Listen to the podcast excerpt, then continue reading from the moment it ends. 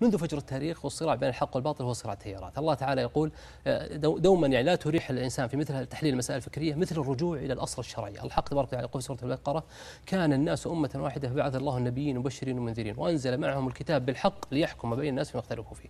والصراع بين الحق والباطل كان صراع تيارات النبي الله, الله سبحانه وتعالى يقول وكذلك جعلنا لكل عد نبي عدوا شياطين الإنس والجن يوحي بعضهم إلى بعض زخرف القول غرورا.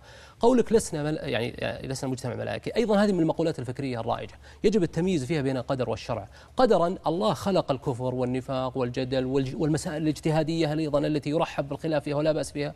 وجدت في عصر النبي صلى الله عليه وسلم منافقين. يعني هل هناك يعني هل هناك استفاد أجمل من خطاب النبي صلى الله عليه وسلم؟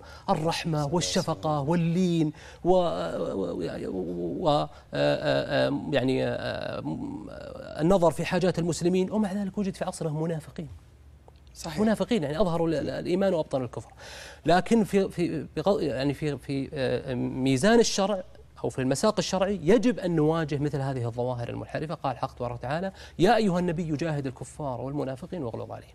في سؤال سأله الأخ آه، تفضلت فيه اللي هو قال أنه تضخمت المقدسات.